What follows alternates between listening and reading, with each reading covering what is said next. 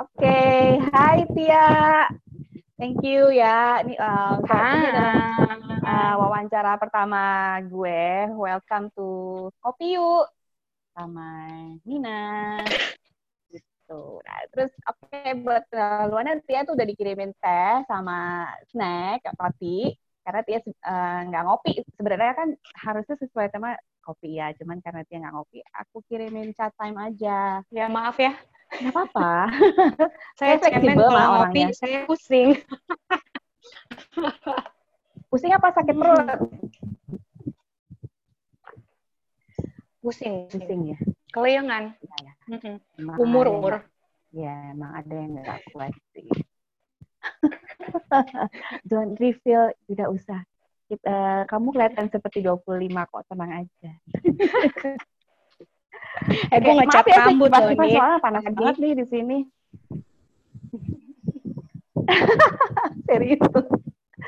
Oke, okay, so jadi um, Tia ini adalah seorang produser film di Logika Fantasi. Sorry, gue ambil sambil lihat contekan ya.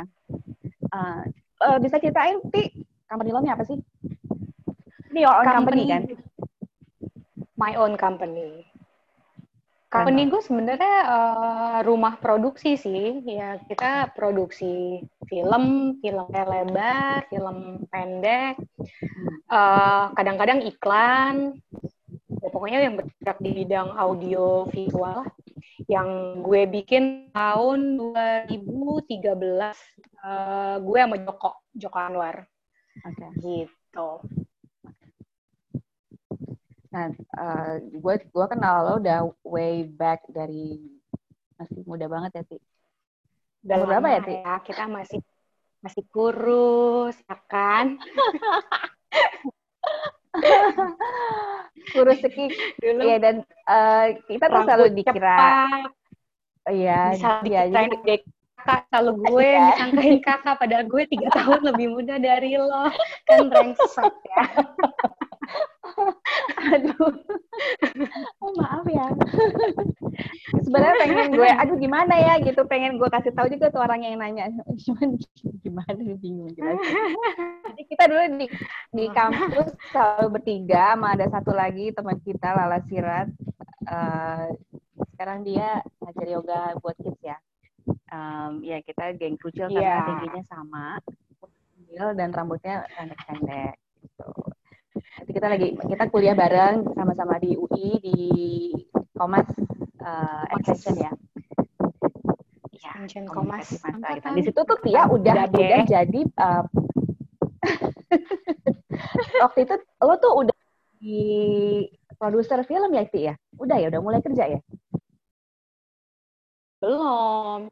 Itu tuh justru itu awal gue pertama kali masuk di film. Hmm tahun berapa ya? Itu tahun berapa ya? Kira-kira. Ya? Itu tuh ya diketahuan dong kita. itu kan kita tuh extension tuh tahun 2000. ya kan? Sebenarnya alasan kenapa gue sampai bisa nyemplung di film juga karena tahun 2000 kita kuliah extension, kelasnya cuma malam, pagi-paginya gue nggak ngapa-ngapain, makanya gue memutuskan untuk gue nyari kerja pas banget waktu lagi itu si ya. PH-nya Tehnia Dinata, kalian Syirafim hmm. lagi lowongan ya udah gue iseng-iseng apply keterima. Hmm. Gitu. Dan sekarang deh kartu 20 tahun kemudian. Tapi sebenarnya waktu itu lo udah tahu belum sih kalau lo tuh emang uh, punya passion di film? Enggak. Dulu kalau ditanya gue pengen jadi PR. Karena kan uh, gue kuliahnya ngambil PR dulu. Pas udah lulus kuliah terus gue denger denger dari orang katanya kalau lo jadi PR yang bagus lo harus punya writing skill yang bagus juga. Sementara gue bodoh banget writing skill. Makanya apa akhirnya gue mutusin ngambil komunikasi masa karena pas gue lihat silabusnya banyak uh, kuliah menulis nih. Hmm. gitu hmm. makanya gue ambil komas tapi along the way karena ya itu yang gue bilang karena kuliahnya cuma malam agak siang-siangnya gue nggak ngapa-ngapain gue nyari kerja, kerja uh, pas yang buka lowongan adalah si uh, rumah produksi film hmm. Kecemplung lah. Mm-hmm. gitu. Jadi waktu gue pertama kali kerja di film gue blank kidut nggak ngerti apa-apa. Tiga bulan pertama gue nangis loh saking stres ini orang ngomong apa aja gue nggak tahu. Jangankan gimana cara ngerjainnya. Tugas gue aja tuh apa gue nggak paham gitu. Karena gue tidak mengerti istilah-istilahnya. Iya iya iya sih. Bayang sih. Nah, semuanya learning udah, by doing. Udah dedicated sih kalau gue lihat ya. Mungkin kalau pada dasarnya emang orang berdedikasi tinggi ya ti kayaknya ya. kayaknya ya. Ya. Gue emang Dan, anaknya setia. Kalau nyantol udah terus. Ya, ya, ya, ya, ya. ya. Tapi good for you lah gitu. Jadinya kan maksud gue um, path lo tuh jelas gitu dari dari awal lo kerja emang lo di dunia film jadi pengalaman lo membuat lo jadi expert lah sekarang ya gitu kalau gue bilang sih gitu. Ya gue sih gue sih sebenarnya seneng gitu loh. Karena waktu gue mulai pertama kali dengan gue tidak mengerti apa apa gue emang memulainya dari bawah. Gue mulai karir gue di film beneran dari bawah. Pertama kali tuh gue jadi production assistant. Yang hmm. kerjanya masih ya pokoknya apa pun yang diperluin itu ya gue kerjain gitu loh. Apa pun yang di, di perlu diperbantukan ya itu yang gue kerjain. Jadi bener-bener gue mengikuti semua step-stepnya sampai akhirnya sekarang. yeah ya jadi banyak ilmu, pengalaman, pengetahuan karena gue beneran asli di bawah ngikutin tangganya. Iya. Gitu. Keren lah. Um, Lumayan lah. Okay. Jadi jadi um, sebenarnya gue ini bikin ini uh, tujuan gue tuh pengen supporting women dan yang anak anak-anak muda gitu mungkin um, sebentar sebentar sebentar ya. Ini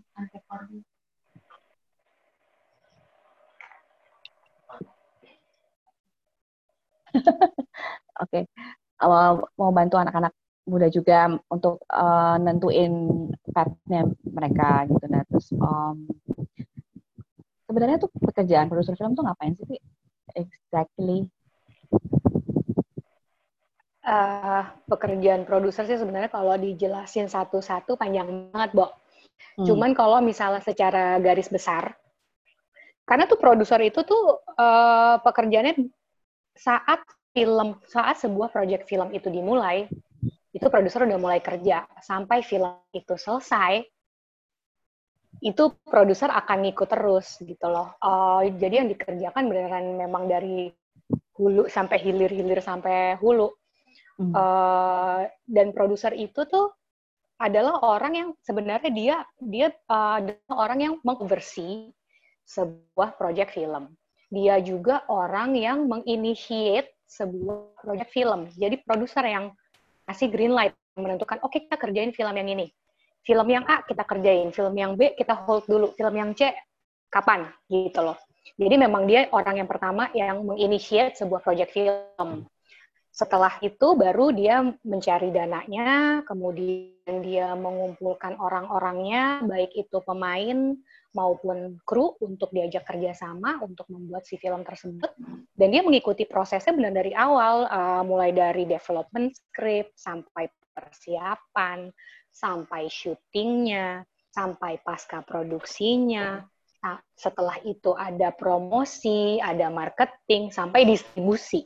Kayak contohnya gue gue pernah ngerjain film judulnya A Copy of My Mind.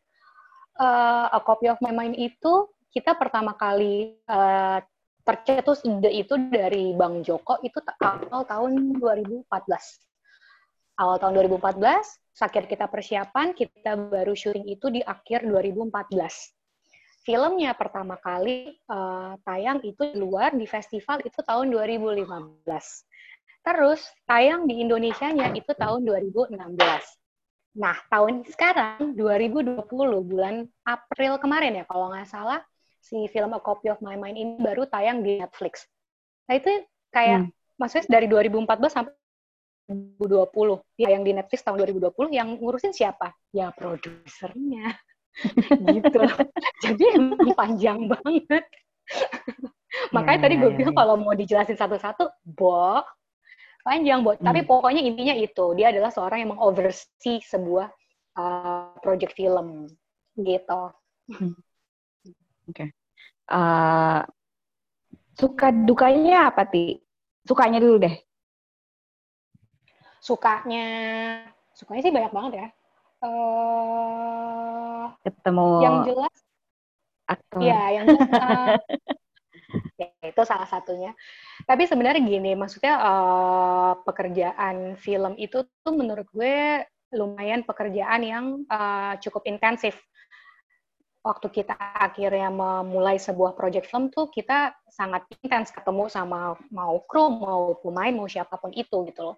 Akhirnya dari yang tadinya cuman teman kerja, akhirnya jadi teman, jadi sahabat, malah kadang-kadang jatuhnya udah udah kayak keluarga saking deketnya emang karena kita emang kadang-kadang kayak 24/7 gitu uh, ngobrolnya buat ngomongin si uh, film itu yeah, gitu. Yeah. Selain itu juga uh, sukanya adalah gue emang tipe orang yang suka sama proses. Nah, bu buat gue nih bikin film tuh salah satu proses yang cukup fascinating.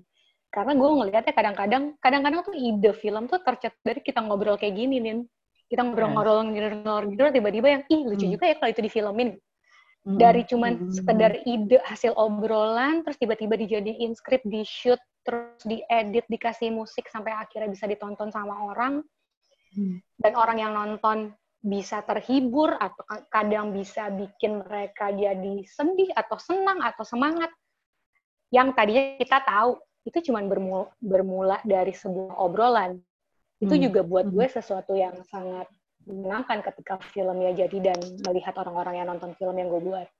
Hmm. Gitu. Proses kreatif ya, proses kreatif proses dari kreatif, embrio ya. banget gitu sampai jadi ya itu mah fascinating banget sih gue bisa kebayang.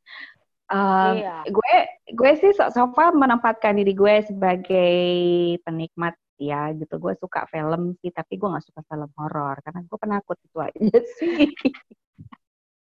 Lo pikir gue berani?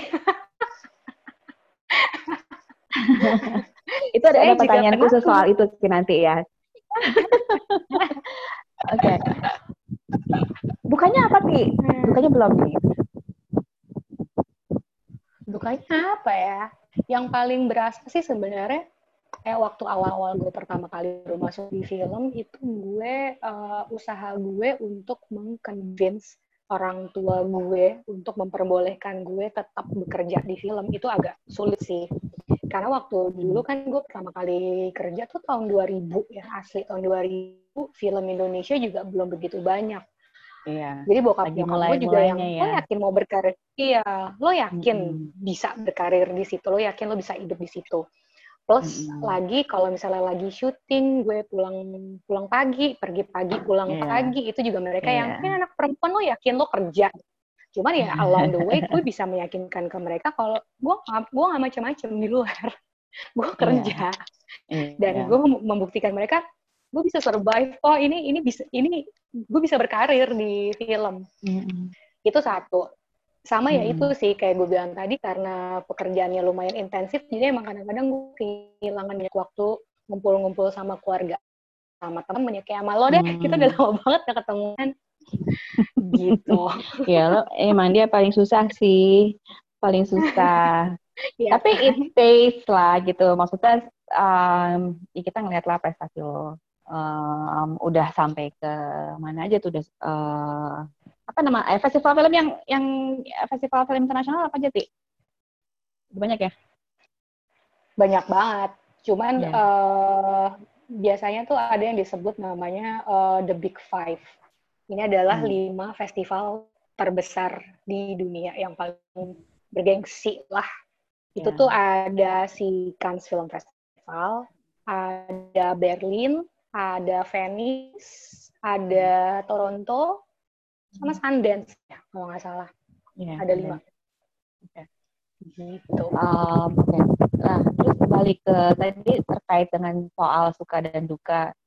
Sebenarnya menurut lo nih menurut lo ya um, cocok nggak sih pekerjaan ini buat cewek? Di luar di luar batasan-batasan lah yang kita punya ya, nanti nggak lo maksud gue.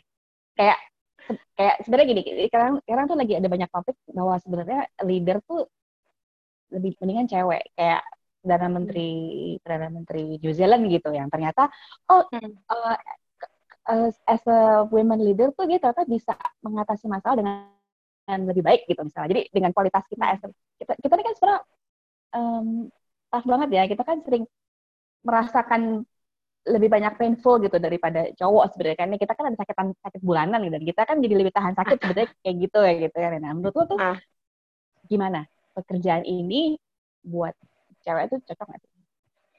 Menurut gue sih cocok-cocok aja. Kalau lo lihat juga di Indonesia sendiri, produser film perempuan tuh banyak banget.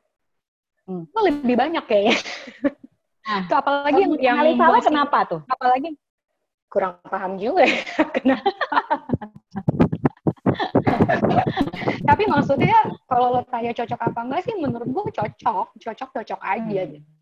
Uh, tapi ya gue gue agak bingung juga sih kalau ditanya masalah gender karena buat buat gue uh, kalau lo mau milih pekerjaan sih sebenarnya lebih dilihat dari skill orang itu apa ya kan hmm. kebisaannya dia apa uh, kesukaannya dia apa okay. yang kayak gitu-gitu oke okay. um, oke okay, tadi gue sudah dijelaskan sama lo tentang apa sih uh, definisi atau atau uh, face-nya dari pekerjaan as produser gitu ya. Nah, jadi gue mau nanya soal mencari sponsor. gimana tuh, Ti? Susah-susah gampang, gampang atau gimana? Kalau kalau buat gue sih itu susah. susah ya? gue emang gak jago gue di situ. emang sampai sekarang tuh gue masih belajar kalau untuk urusan si sponsor-sponsor ini. Yeah. Hmm. Tapi emang biasanya kan kalau ngurusin sponsor, walaupun dia mengerjakan semuanya, tapi kan dia dibantu oleh masing-masing tim ya, yang hmm. memang hmm. capable di bidangnya masing-masing. Dan hmm. emang biasanya kalau sponsor ya pasti kita akan punya tim khusus untuk ngurusin itu. Iya. Yeah, gitu. Uh -uh gue cuma wondering aja gitu maksud gimana gue, gitu sih iya um, maksud gue dengan situasi perfilman Indonesia yang udah agak lumayan gitu sekarang mm-hmm.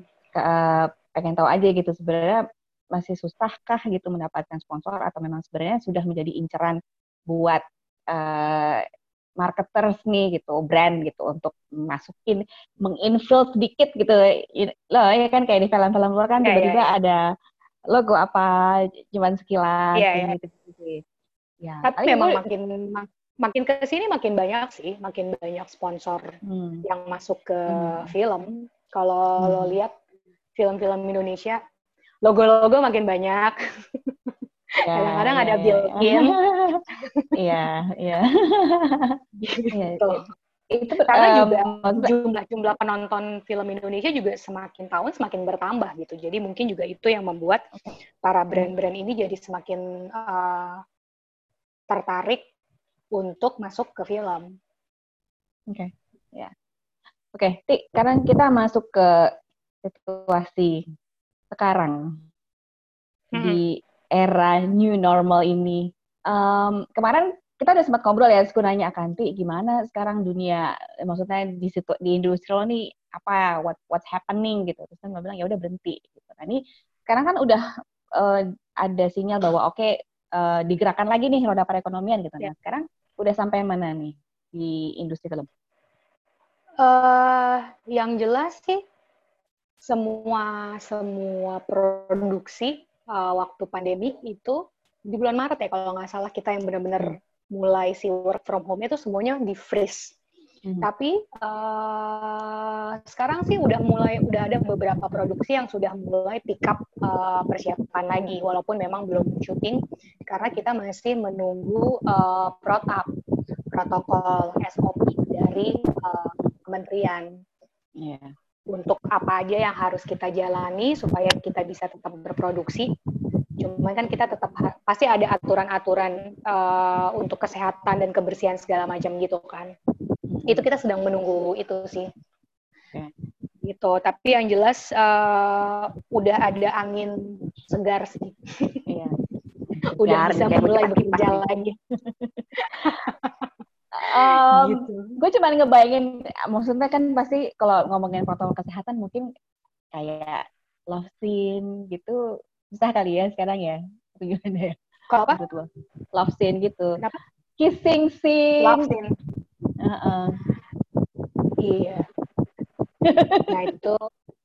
Cuman maksudnya, eh karena kalau misalnya lu syuting film ya, di dalam cerita tiap karakter itu kan pasti akan ada bersentuhan gitu. Cuman ya Nah. makanya kenapa emang harus kita jaga banget. Eh, ya misalnya, pokoknya yang jelas orang-orang yang terlibat di sebuah eh, si produksi itu sebelum mulai harus dites dulu untuk memastikan tidak ada yang membawa virus. Terus juga uh, jadinya sekarang kayak misalnya biasanya tuh kita ada yang namanya crew call. Crew call itu adalah saat semua orang nyampe ke Hmm. lokasi, ditetapin misalnya Hmm. jam 6 pagi. Itu jebrak langsung semuanya. Nah, Hmm. mungkin ya dengan si situasi seperti sekarang ini jadinya tidak bisa seperti itu. Mungkin emang harus dibagi gitu. Mungkin Hmm. anak tim art artistik dulu yang Hmm. datang, mereka ngeset, Hmm. udah gitu mereka keluar Hmm. dari setnya, baru tim kamera sama lighting masuk, mereka ngeset, setelah Hmm. itu baru uh, tim yang lain. Jadi memang harus diatur flow-nya. Begitu juga juga Hmm. uh, untuk pemain. Hmm. Yang biasanya tuh kalau misalnya kita syuting biasanya tuh cuman ada satu ruangan makeup wardrobe tuh biasanya emang tempat sekalian menjadi tempat menunggu para pemain. Ya cuman kalau dengan situasi sekarang ya mungkin emang harus kita siapin ruangan khusus uh, ibaratnya namanya green room untuk mereka nunggu Hmm. gitu. Mm. Jadi memang sebisa mungkin mereka uh, ber, ber- bersentuhannya memang hanya untuk si adegan itu, tapi sebelum Mm. dan sesudah itu tuh emang harus jaga jarak Iya. gitu. Lebih ribet sih, cuman ya ini juga new normal kita harus beradaptasi. Iya. Ya, Gitu. mau gimana lagi ya? Oh, Bentar, gue jatuh. Oke, bentar. Contekan dulu ngelihat uh, question list gue. Oke, tadi kita udah ngomongin new normal dan impact-nya buat lo as a producer ya jadinya lebih ribet ya, Ti, ya? Ya lebih lebih bukan lebih ribet sih ya mungkin ya karena memang kita harus beradaptasi dengan situasi yang sekarang ada. Cuman yang jelas banget adalah eh, kalau kita ngomongin budget jadinya ada satu postingan budget yang Hmm. nambah yang tadinya tidak ada ya kan? gitu ya kayak untuk beli masker, beli disinfektan, buat tes Hmm. para kru dan pemain ya gitu-gitu yang tadinya tidak ada. Ya. Sekarang jadi harus ada. Menurut lo nih, Hmm. masa depan pekerjaan sebagai produser film tuh gimana, Ti? Masa depan pekerjaan sebagai produser film menurut gue Maksud bagus. gue gini, maksud gue gini sih. um, menurut lo akan akan ada disrupsi nggak dari apakah mungkin akan digantikan AI atau apa gitu? I don't know. Atau Sejauh ini sih akan ya, selalu ada? Hmm. menurut gue sih kita akan survive. eh apa namanya walaupun dengan situasi seperti sekarang ini sih menurut gue kita akan survive. Maksudnya eh, ini kita juga sekarang lagi bareng-bareng juga sama pemerintah untuk bikin semua aturan-aturan supaya eh masih tetap bisa bekerja tapi Oke. tidak menginikan si virus itu gitu loh. Hmm. Sementara Hmm. kalau secara globalnya maksudnya gue kerja di film dari tahun 2000 sampai sekarang 2020 itu gue selalu melihat uh, peningkatan untuk film Indonesia semakin ke sini semakin banyak jumlah penonton minat penonton terhadap film Indonesia juga semakin banyak makin banyak uh, perusahaan-perusahaan uh, rumah produksi film tiap Hmm. tahun jumlah film yang diproduksi juga semakin banyak uh, secara genre-nya juga semakin beragam Hmm. gitu. Hmm. Jadi maksudnya film filmnya sendiri sih menurut gue uh, naik terus sih, meningkat terus. Oke. Gitu. Jadi Nah. jangan takut berkarir di film, Oke. mau produser Nah. atau apa pun. Masuk ke ngomongin film ya. Tadi uh, ngomongin genre, ngomongin jumlah film. Nah sekarang uh, kemarin tuh sempat ada isu-isu akan ada drive-in. Mm-mm. Ya. Mm-mm. Um, terus terang sih gue belum riset lagi ya. Maksudnya nih uh, situasi bioskop nih akan seperti apa, rules-nya seperti apa. Maksudnya kan mall mall udah dibuka ya. Gue belum denger sih ini uh, sinema tuh udah dibuka atau belum.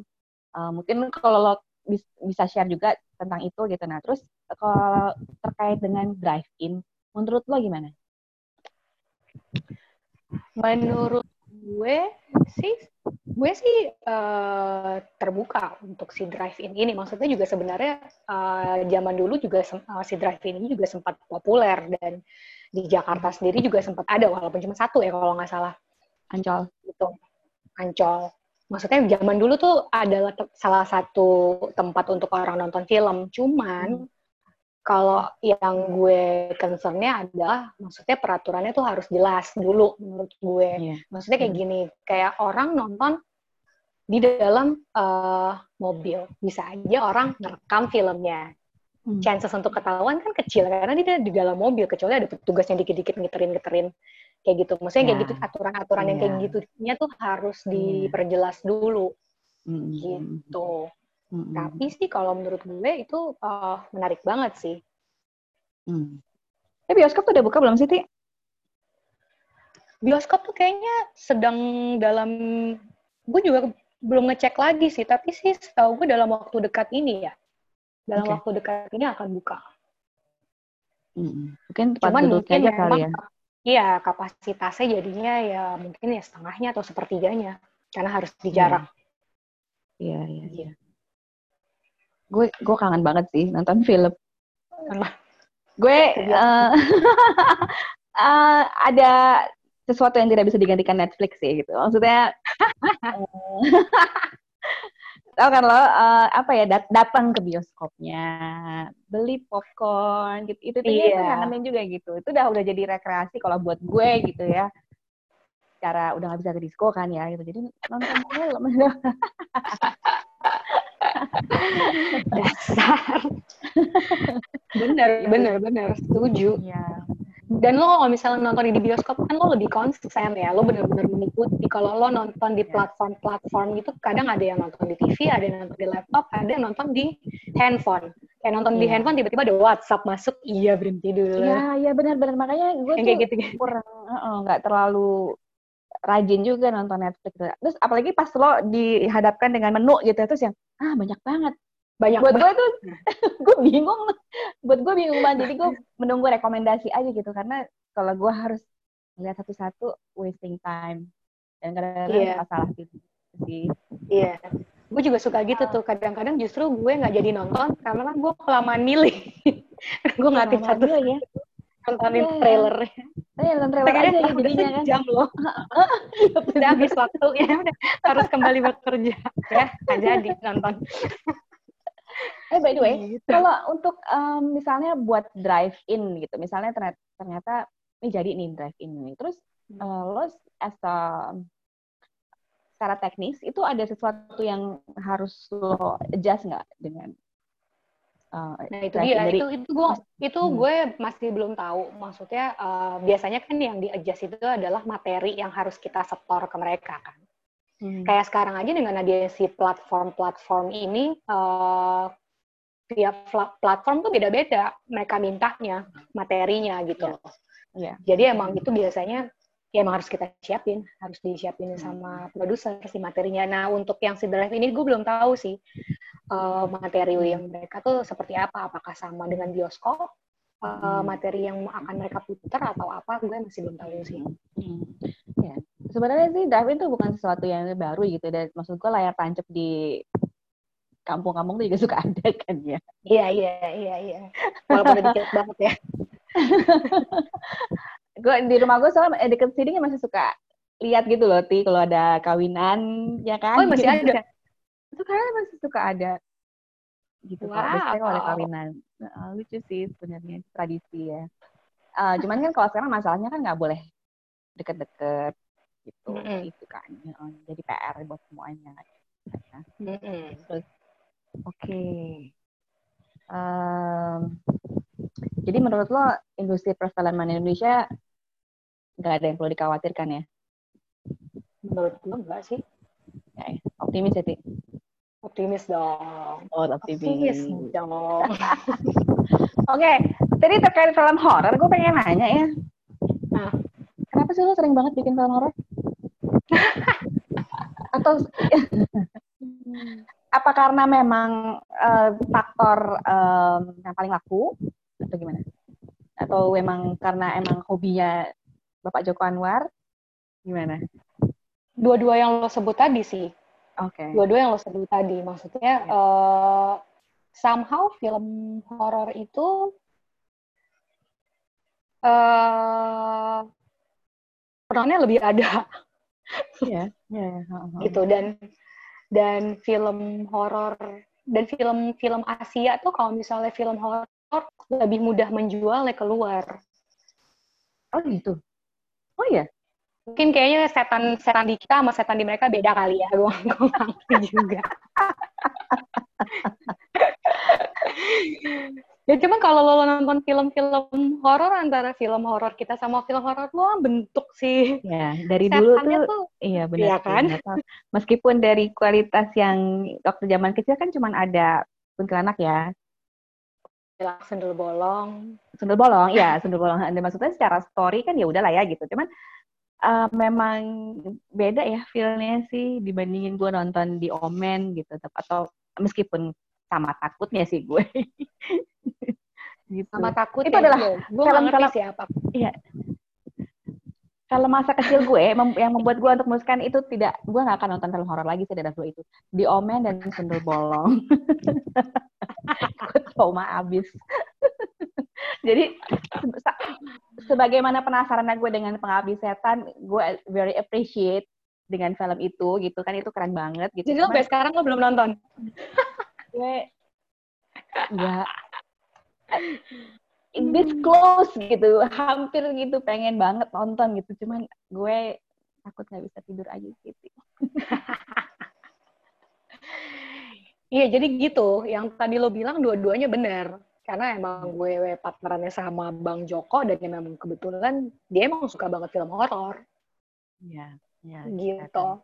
Dan memang film horor somehow lebih gue nggak bilang mudah ya, tapi maksudnya lebih mudah untuk dijual. Uh, kalau gue memantau gitu, misalnya dari, dari berita uh, tentang jumlah penonton tuh biasanya emang yang tinggi-tinggi banget tuh emang horor ya, atau komedi sekalian gitu, komedi ancur-ancuran gitu ya. Hmm. Ya mungkin nggak tahu ya, mungkin emang rakyat, emang kita doyan mistis-mistis kayaknya. Kayaknya hantu tuh di kehidupan sehari-hari kita sangat dekat kayak. ya kan? Masa kalau misalnya kita lagi nongkrong aja pasti ada ada percakapan setan-setan ya, ya, ya, ya. iya iya iya gitu. benar-benar dan tuh langsung yang langsung pada wah gitu ya langsung fokus iya, gitu ya makanya. iya iya iya iya sih seru banget emang gitu. sih nah, terus jadi semua film yang udah lo produser inti paling berkesan buat lo film yang mana kalau uh, yang paling terkesan yang mana sih menurut gue, gue gak bingung sih ngejawabnya karena tiap film punya kesan-kesan tersendiri. Karena ngerjainnya juga beda-beda prosesnya walaupun begitu tapi pasti kejadian-kejadian selama mengerjakan satu film dengan film yang lain tuh berbeda. Pasti ada ada aja ceritanya di masing-masing produksi film itu. Gitu. Agak bingung sih gue kalau misalnya tanya mana yang paling berkesan. Gue semuanya berkesan sih semuanya berkesan, semuanya menambah cerita dalam gua, hidup. Gue mau share uh, feed Instagram lo ya. Um, bentar.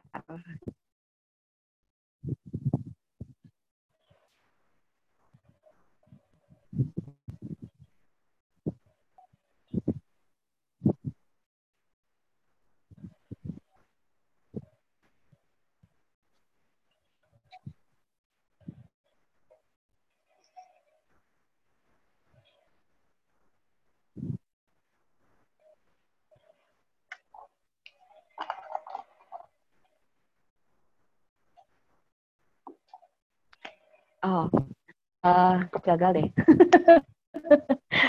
First attempt gue dari kurang sukses sih untuk share uh, share screen gue di sini. iya iya iya. Uh, karena daripada terlalu lama, jadi um, gue mau ini deh lo uh, ceritain tentang hobi baru lo dong sih si main ukulele ini. This is gonna be my last question for you. enggak, enggak, lo nggak main, lo nggak perlu main, lo nggak perlu main, lo nggak perlu main. Jadi Tia ini punya hobi baru, ya. Gue mengikuti perkembangannya dari dia mulai uh, gonjreng-gonjreng, tiba-tiba nyanyi, kayak gitu. Terus dia selalu punya bintang tamu sekarang dan banget sih. lo mau tahu apanya? yang bikin gue mes adalah soalnya yang uh, Tia yang gue kenal tuh uh, pemalu, very shy gitu. Nah itu tiba-tiba kok ini dia wah berani tampil gitu. Jadi itu buat gue amazing sih, Ti. nah, karena sebenarnya gue dari, dari ya menurut gue semua orang pasti suka musik sih ya. Tapi memang gue dari dulu pengen banget uh, bisa main musik. Cuman somehow gue dulu pernah belajar piano, uh, gak kejadian sampai sekarang nggak bisa gitar juga gitu sampai akhirnya suatu hari uh, waktu lagi itu gue sempet uh, berkantor barengan sama studio musik. Jadi suatu hari di, di studio adalah nih si ukulele ini kan gue yang ini apa nih? Kecil-kecil kayak gitar gitu. Namanya ukulele. Ini cara maininnya. Diajarin lah sama mereka gitu. Itu yang lucu juga nih ya uh, senarnya cuma ada empat pulangnya lebih sibel nih kalau gue belajar ini. Ya udah kira saat itu juga tuh hari itu juga gue langsung beli ukulele. Dan gue mulai belajar nontonin video-video tutorial yang ada di yeah, YouTube. Yeah, yeah. Itu lucu banget sih. Gitu. Sampai hmm. akhirnya sebenarnya awal-awalnya gue bikin si cover-cover bodoh-bodohan gue itu adalah karena hmm. uh, di tengah-tengah di tengah-tengah lagi persiapan mau syuting film tuh lumayan lumayan stres banget ya dan menurut buat gue dengan gue bikin si video cover itu tuh lumayan hiburan bikin gue meng, melupakan sejenak malah gitu yeah, itu yeah. lumayan bikin gue menjadi lebih rileks Ah. gitu. Terus uh, gue sering bikin cover-cover gitu akhirnya ketemulah gue sama uh, editor yang gue sering kerja bareng gitu. Kita bikin awalnya gitu tuh. Kita lagi ngedit bareng terus lama nungguin komen. Akhirnya kita yang gonjreng-gonjreng kita rekam kita upload. Terus tiba-tiba orang gitu yang eh gue ikutan dong gue ikutan. Karena yeah. kalau misalnya lo perhatiin tuh memang kebanyakan si bintang tamunya itu adalah kru-kru film yeah ada yang sutradara, ada yang dari tim kostum, ada yang astrada, ada edit, ya, ya, ya. gitu. Ternyata orang-orang juga uh, butuh. Ya, buat telingan ya, buat hiburan. Oke, Ti. Buat eh, telingan. Uh, uh -uh. Oke, okay. uh, oke, okay. bentar. Thank you, Ti. That was my last question. Hmm, sayang banget. Sebenarnya gue pengen nge-share uh, dari Instagram tuh banyak foto-foto seru dan ada video yang terakhir lo share itu yang cerita tentang proses pembuatan film. Itu keren oh, banget sih. Yang bikin nama Agi Narotama. Ya ya ya. Kalau mau lihat bisa langsung ke Instagramnya Tia Tia at Tia Hasibuan ya Tia Hasil underscore. Siapa tahu bisa jadi nambah followers. Oke, okay, Ti.